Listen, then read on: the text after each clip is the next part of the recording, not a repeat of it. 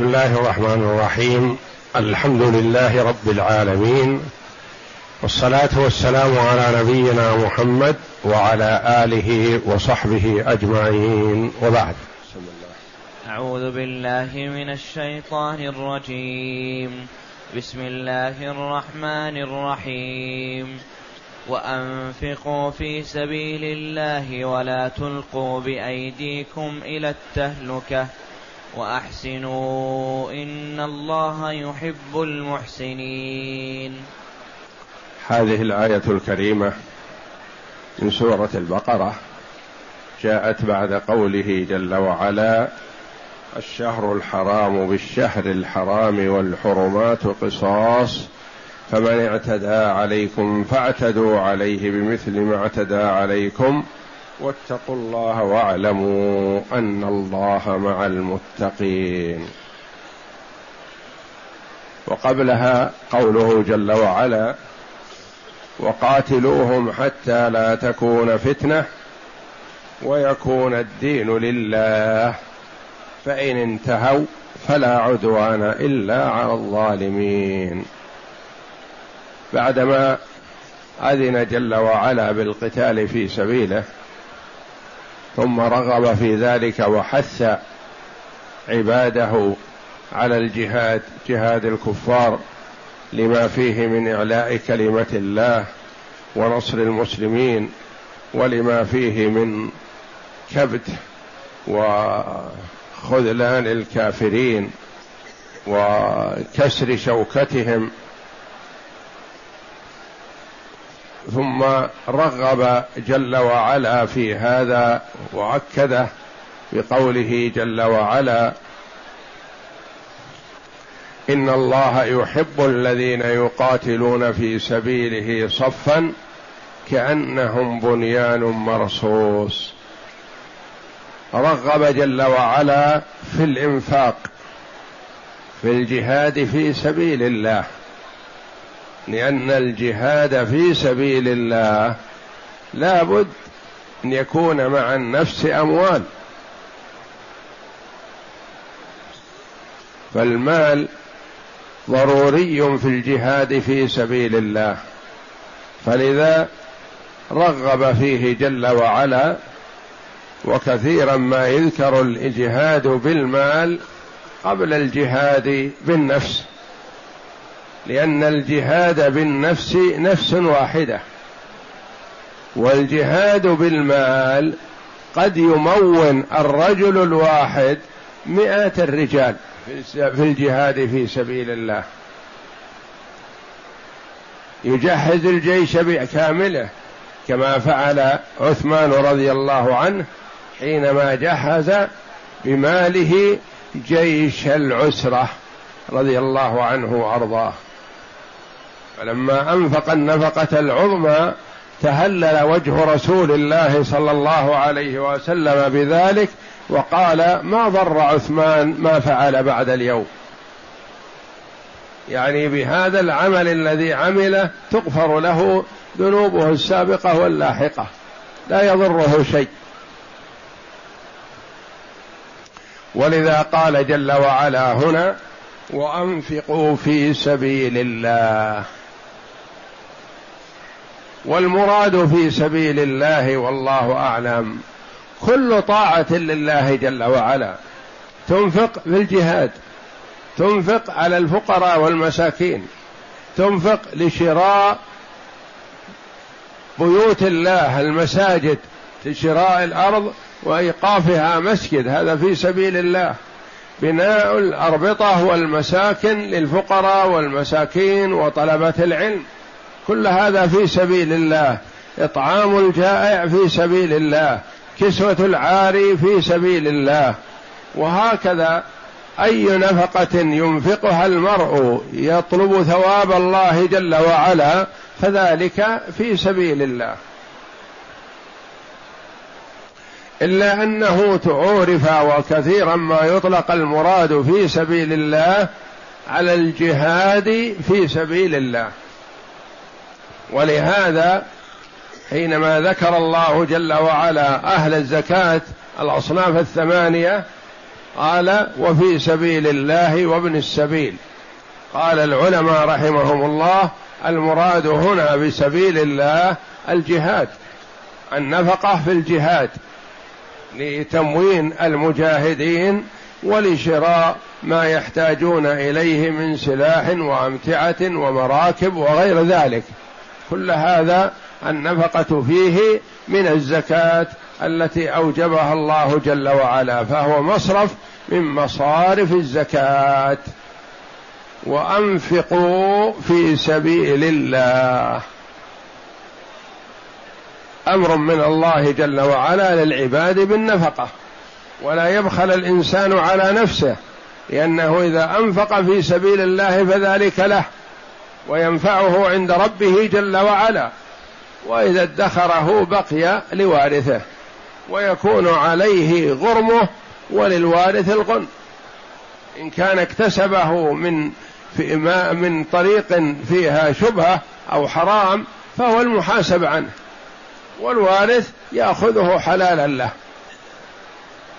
وماله ما قدمه بين يديه ومال وارثه ما أخره.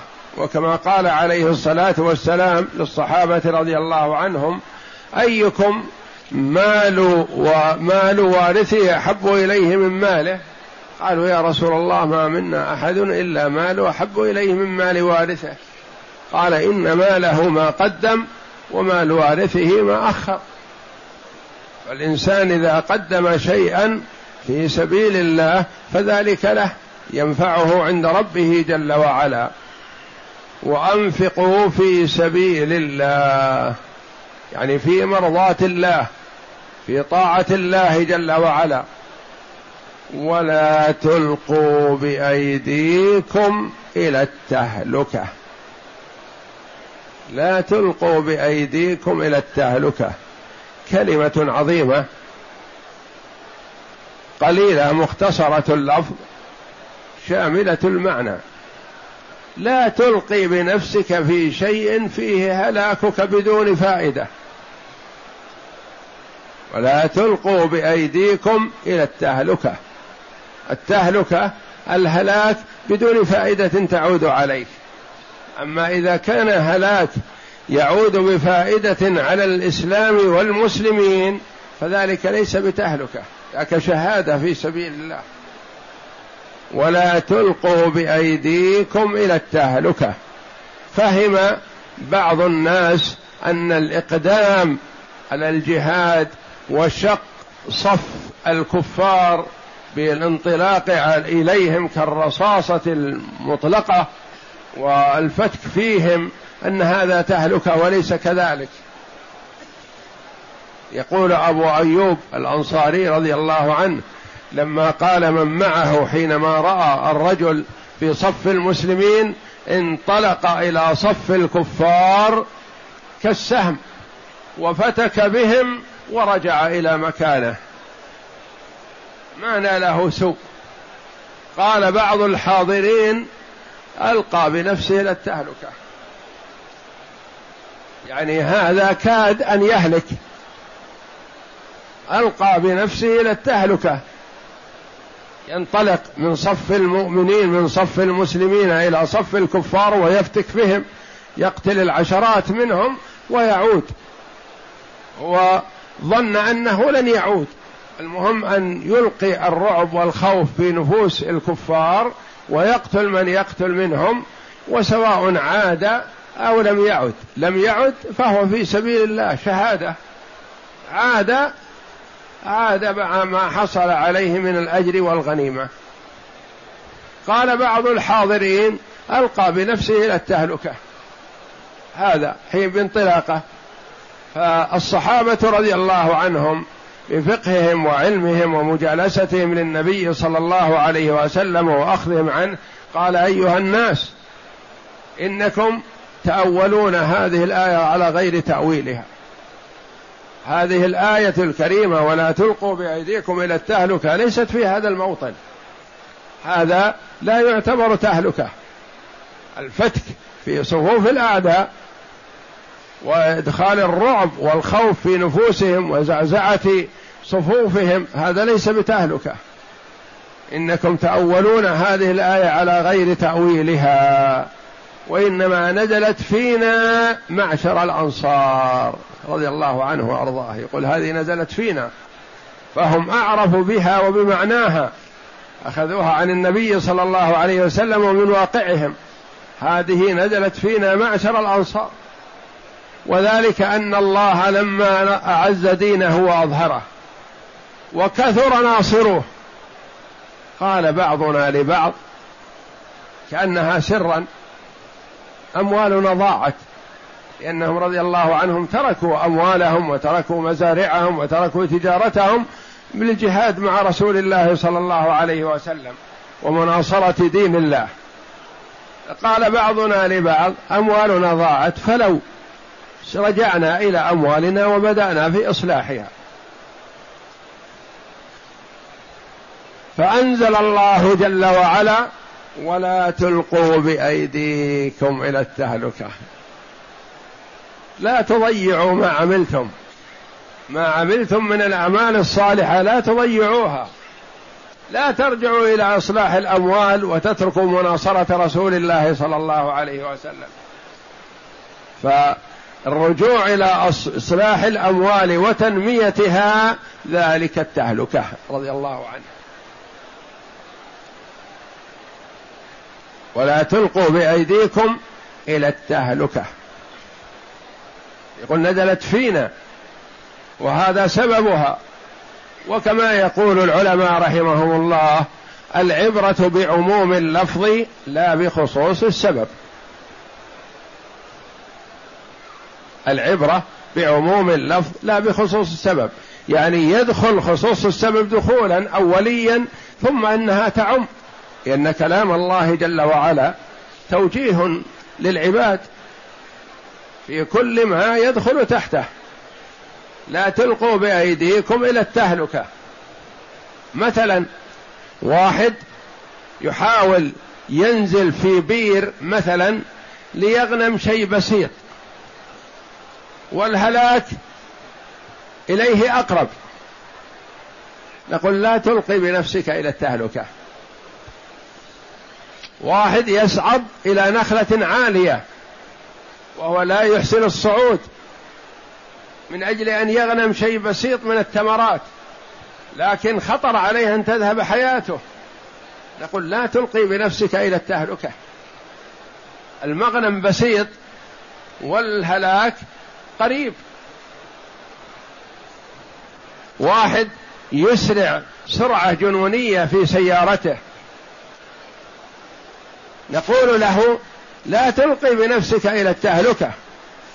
إذا أسرعت وصلت قبل الناس بنصف ساعة أو ربع ساعة لكن الخطر عليك عظيم. والهلاك شبه واقع أو محقق. فما ينبغي لك أن تهلك نفسك من أجل احتمال بسيط احتمال بعيد أن تصل قبل الناس بنصف ساعة. لا تلقي بنفسك إلى التهلكة. آخر تحزب عليه جمع من الناس وهم جمع وهو واحد. والمسألة مسألة حمية جاهلية أو نعرة أو عصبية أو نحو ذلك. نقول لا تخرج واحد أمام عشرة مثلا تلقي بنفسك إلى التهلكة. أقرب واحد يضربك على رأسك فتسقط. لا تلقي بنفسك إلى التهلكة. فكل ما فيه ضرر على الإنسان بلا ربح محقق يعود إلى الإسلام والمسلمين فهو إلقاء بالنفس إلى التهلكة. أما إذا كان هناك ربح وغنيمة للمسلمين وظفر ونصر لهم فلا يعتبر هذا تهلكة لأنه لإعزاز دين الله.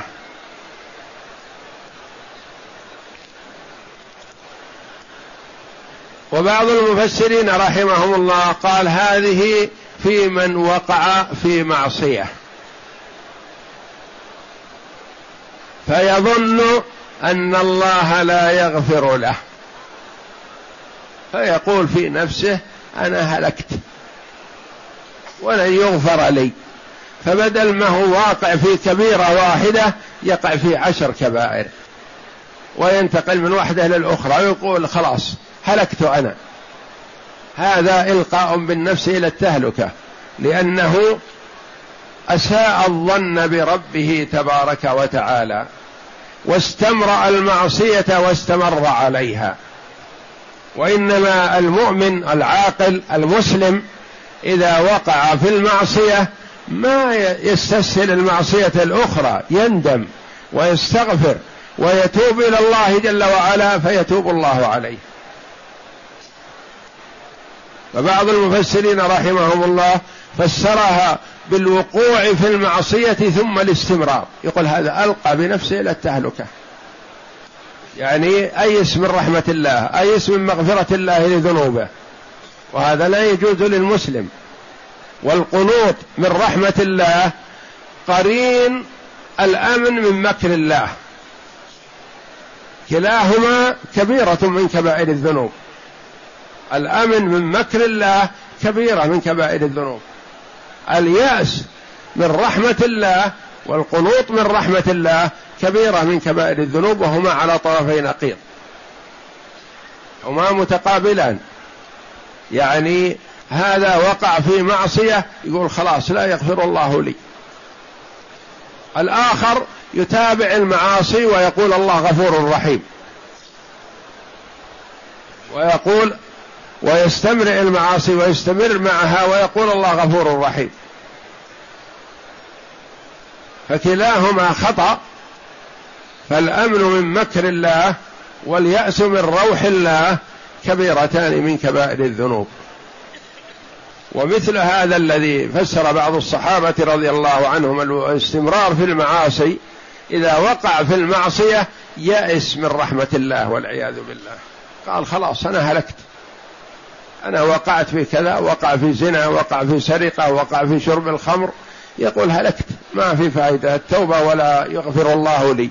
ثم يستمر يتابع الذنوب بعضها على بعض.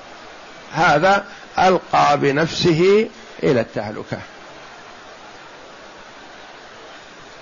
والجملة والكلمة عظيمة وتنطبق على أمور عدة. ولا تحصر في شيء ما حتى وإن كانت نزلت في سبب خاص مثلا فالعبرة بعموم اللفظ لا بخصوص السبب. ولا تلقوا بأيديكم إلى التهلكه يقول عدم الإنفاق في سبيل الله إلقاء بالنفس إلى التهلكه البخل عن النفقة على النفس والعيال التي أوجب الله إلقاء بالنفس إلى التهلكة.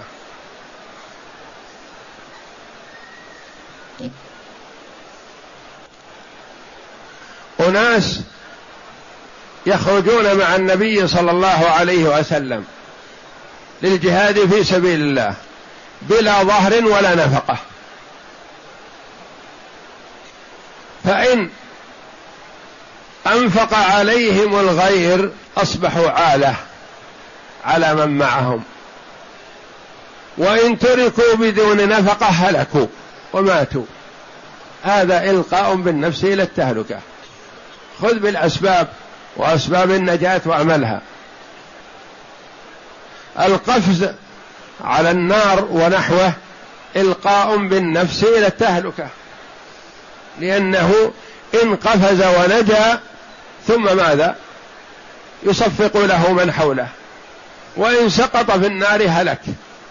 فالغنيمة لا غنيمة والهلاك هلاك عظيم. ولا تلقوا بأيديكم إلى التهلكة. يعني في كل ما يفعله الإنسان في غير فائدة تعود على الإسلام والمسلمين إلقاء بالنفس إلى التهلكة. أما إذا كان هناك غنيمة فالمقارنة بين الغنيمة التي تحصل وبين النفس التي تهلك. إن كانت الغنيمة أعظم فذلك جهاد في سبيل الله. ونصر للإسلام والمسلمين والمرء ما خرج للجهاد في سبيل الله إلا يطلب الشهادة. والشهادة الموت في سبيل الله القتل.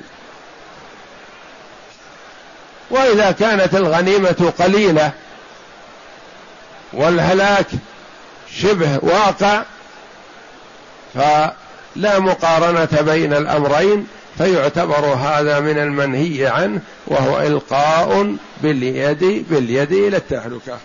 وعبر بالأيدي لأن الأيدي هي التي تتحرك وتأخذ وتعطي وتقدم وتؤخر. وأحسنوا أحسنوا في كل شيء. أحسن. إن أنفقت فأحسن. ولا تسرف ولا تقتر. إن قتلت فأحسن. إن ذبحت فأحسن. إن تصرفت أي نوع من أنواع التصرف فأحسن. إن صليت فأحسن في صلاتك. صمت أحسن في صيامك. أحسن. إن الله يحب المحسنين. إذا أردت أن يحبك الله فأحسن في جميع أمورك. والإحسان ما هو؟ الإحسان فسره النبي صلى الله عليه وسلم. أن تعبد الله كأنك تراه. فإن لم تكن تراه فإنه يراك. قطعا أنت لا تراه في الدنيا لكن تعبد الله كأنك تراه. وتؤمن وتوقن بأن الله مطلع عليك. شخص مثلا إذا خلا بربه جل وعلا أحسن صلاته وأتقنها وأجادها لأن عنده إيمان مؤمن بأن الله مطلع عليه فيتقن. إذا ظهر مع الناس فكذلك هذا عمله. آخر إذا ظهر للناس أحسن صلاته وأتقنها وضبطها وتجمل فيها. وإذا خلا لنفسه نقرها كما ينقر الغراب. هذا ما عنده إحسان. هذا أحسن للناس. ولم يحسن لربه جل وعلا. ولم يكن عبد الله كأنه يراه. هذا ما عنده هذا اليقين. لأنه يعمل للناس. فرق بين الاثنين. ومن الإحسان والتقى أن يكون عمل الإنسان في السر مثل عمله في العلانية أو أن يكون عمله في السر أتقن. وأما بخلاف هذا فيكون من باب الرياء. إذا كان يحسن العمل أمام الناس ويسيء فيما بينه وبين ربه هذا رياء والعياذ بالله. لا قيمة له ولا ثواب له عند الله. والله جل وعلا يقول أنا أغنى الشركاء عن الشرك. من عمل عملا أشرك معي فيه غيري تركته وشركه. والرياء نوع من أنواع الشرك. فيحذره المسلم لأنه يحبط العمل.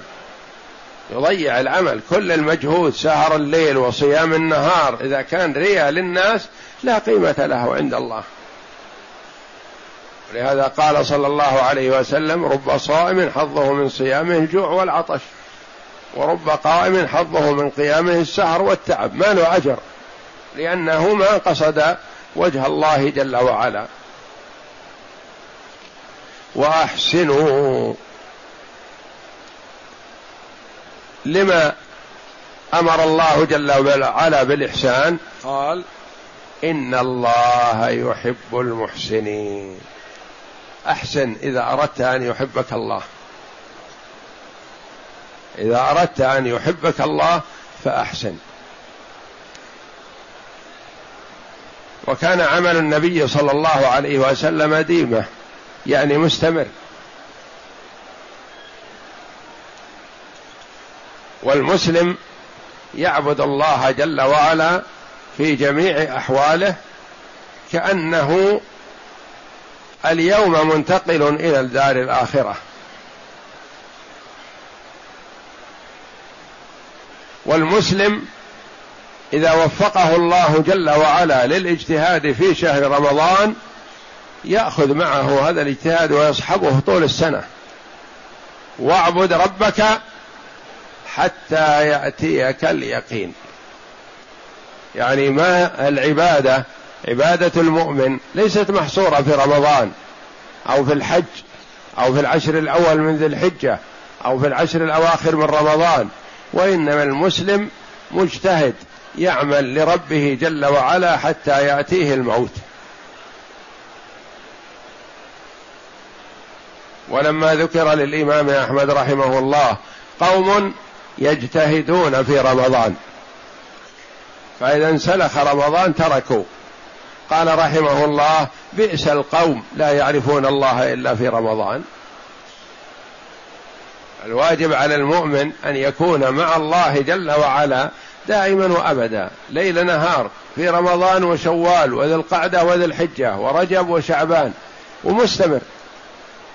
والله جل وعلا رغب في هذا رسوله صلى الله عليه وسلم وهو الذي قام حتى تفطرت قدماه قال واعبد ربك حتى يأتيك اليقين. والنبي صلى الله عليه وسلم ما يفتر في العبادة والله جل وعلا يعلم عنه ذلك ازلا لكن تعليم للأمة للعباد.